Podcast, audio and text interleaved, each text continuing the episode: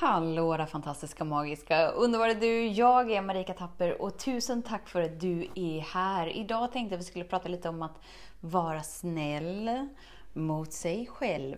Så häng med! Så den stora frågan är, hur lär vi oss att älska oss själva utan att vara egoistiska och självgoda?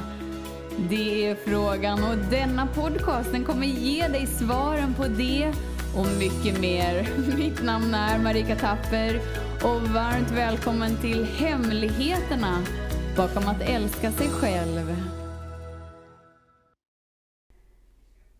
Idag har varit en dag som jag innan skulle ha värderat som riktigt dålig. Den suger! Medan alltså, idag så kan jag liksom vara snäll mot mig och snäll mot det som är inombords och bara så här beröra kroppen som att det är eh, ett eh, hejdundrans regnmoln. Väldigt tungt. Men att jag har ingen, inget behov av att blåsa bort det.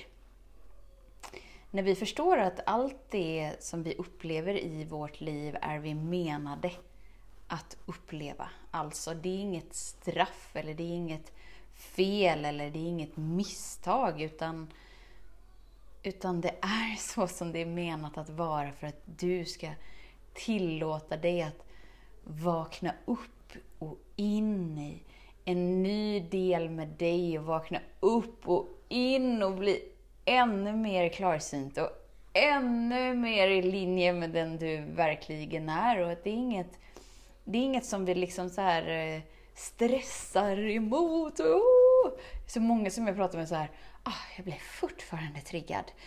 Alltså, jag fattar inte. Jag förstår allting som du säger. Jag blir fortfarande triggad. Men välkommen till planeten jorden. Jag blir också fortfarande triggad. Så det betyder inte att, att eh, att du är fel. Det betyder inte att det som förmedlas här är fel.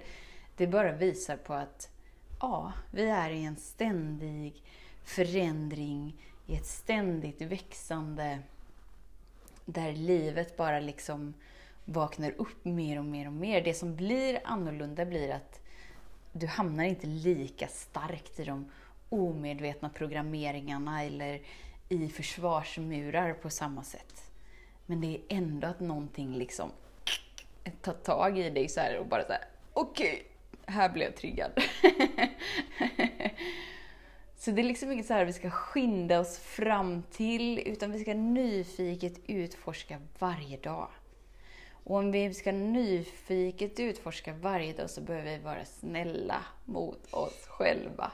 För att det är liksom nästan så här uttröttande för det mentala sinnet att så här, men vadå? Ska jag inte i mål? Ska jag inte skynda mig någonstans? Ska jag inte bli en bättre version av mig? Ska jag inte? Ska jag inte? Ska jag inte? Och du är bara där och klappar så mjukt, kanske på din hals och bara så här. Nej, det ska vi inte.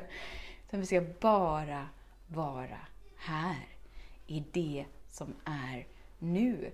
Och oftast så är det inte så himla mycket som ska tas beslut om, eller som ska göras, eller som ska utan du bara är med det som är, du gör det som ska göras. Eh, men du är väldigt närvarande. Så känn efter i ditt liv, liksom, när... Det finns ju liksom ingen gräns. Nu, nu ställer jag aldrig fråga. känn efter. Men eh, vi struntar i det för en stund. Alltså, det finns ju ingen gräns för hur snäll du får vara mot dig själv. Och vi lever ju alla med liksom våra glasögon från dåtiden. Antagligen,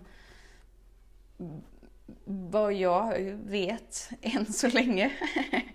så liksom så här, när vi skiftar perspektiv och får av ett par glasögon, ja men förr eller senare så kommer det ett par nya för att jag tror aldrig att vi riktigt kommer ha förmågan att verkligen, verkligen, verkligen ta in den obeskrivliga, oändliga skapelsen som vi är.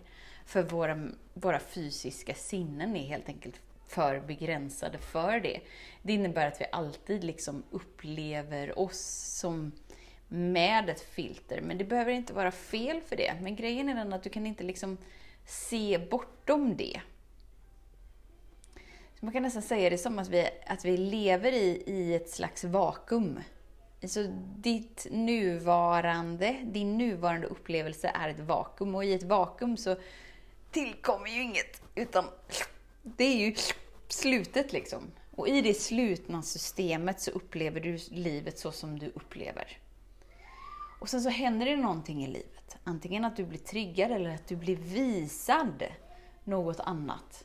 Så att det är någon som är utanför vakuumet som bara så här, nej men så här kan det vara. Eller så här upplevde jag det. Eller så här har jag haft det.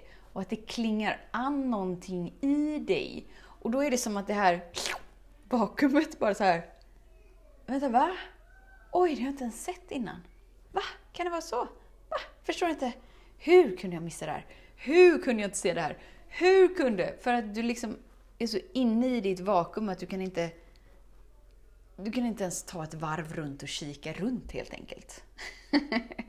så när någon vinkar utanför vakuumet var det så här, ah, så här har jag upplevt livet, eller så här kan det vara, eller det här hände mig, eller så här känner jag, eller det här är möjligt. Då är det som att det bara så här pyser in luft i vakuumet och bara så här, ah, vänta jag kan röra på mig lite, vänta jag kan reflektera lite, vänta jag kan kika mig runt omkring. Hur har det varit i mitt liv hittills? Hur är det precis just nu? Ah, okej, okay, jag fattar. Jag har levt med feta glasögon, okej, okay, och när de, när de släpper så är det olika varje gång.